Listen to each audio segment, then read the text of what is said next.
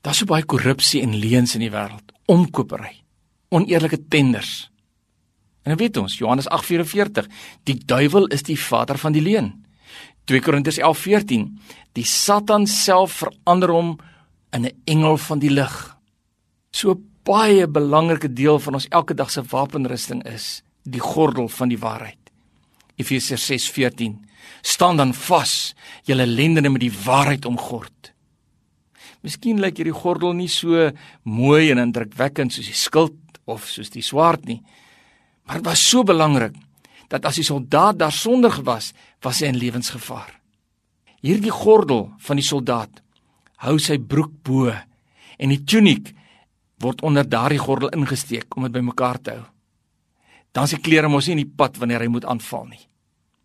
Die swaard het aan die gordel gehang en wanneer die skild nie gebruik is nie, is dit ingeklip aan die onderkant van die gordel en daarom kon dit daarop rus. Die pylkoker wat die pylkoker agtergedra het, het op die agterkant van die gordel gerus en die borsplaat het aan die gordel vasgeklip sodat dit styf teen die liggaam kon bly.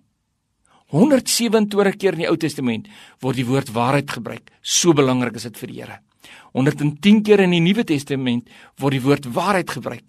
Dit beteken niks word weggesteek nie. Miskien moet ons onsself nou afvra, wandel ek in die waarheid? Het ek regtig niks om weg te steek nie? Nie in my dade of in my gedagtes nie. Is daar geen sonde wat nie bely is nie? Jesaja 59 sê, die hand van die Here is nie te kort om te help nie, maar sonde bou 'n muur tussen ons en God. En daarom sê 1 Johannes 1 vers 9, bely jou sonde, vra vergifnis by God en God sal alles 100% vergewe. Breek vandag daai muur van sonde af. Om dan na Minar was 'n jeugdominee. En op 'n stranddienskamp in Namibië het hy ons vertel, 'n paar sente het tussen hom en God gestaan.